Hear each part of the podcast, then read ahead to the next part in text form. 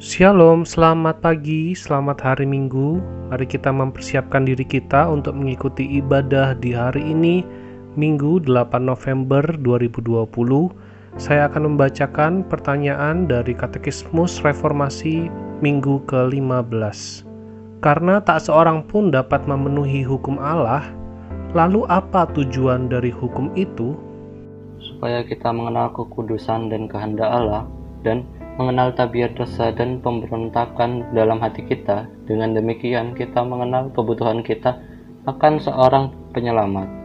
Hukum juga mendidik dan mendorong kita untuk hidup berpadanan dengan penyelamat kita. Roma 3 ayat 20 berkata, Sebab tidak seorang pun yang dapat dibenarkan di hadapan Allah oleh karena melakukan hukum Taurat. Karena justru oleh hukum Taurat orang mengenal dosa. Hukum Allah menolong kita mengenal Allah, mengenal diri sendiri, mengenal kebutuhan kita, dan mengenal kehidupan yang damai sejahtera dan penuh hikmat.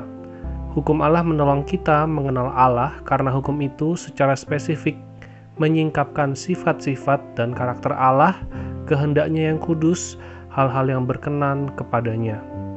Hukum Allah juga menyingkapkan tentang diri kita sendiri, khususnya sifat dosa dan ketidaktaatan kita, kecenderungan kita untuk berdosa. Ketika kita telah mengenal Allah dan kita juga telah melihat akan diri kita, maka kita akan terdorong untuk datang kepada Yesus, datang kepada Juru Selamat, karena kita telah menyadari bahwa Allah begitu sempurna dan kita tidak sempurna sehingga kita membutuhkan juru selamat yang telah memenuhi hukum itu dan sudah mentaatinya dengan sempurna bahkan membayar hukuman yang seharusnya kita terima.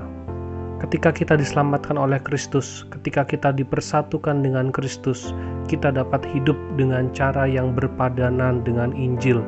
Kita hidup dengan cara seperti Tuhan Yesus hidup, maka kehidupan kita adalah kehidupan yang senang untuk mentaati Allah. Dengan demikian, hukum Allah menunjukkan pada kita seperti apa hidup yang damai sejahtera di dalam Tuhan. Hukum itu menunjukkan pada kita seperti apa menjalani kehidupan yang berpadanan dengan Injil setelah kita percaya kepada Yesus Kristus. Selamat hari Minggu, selamat beribadah. Tuhan Yesus memberkati.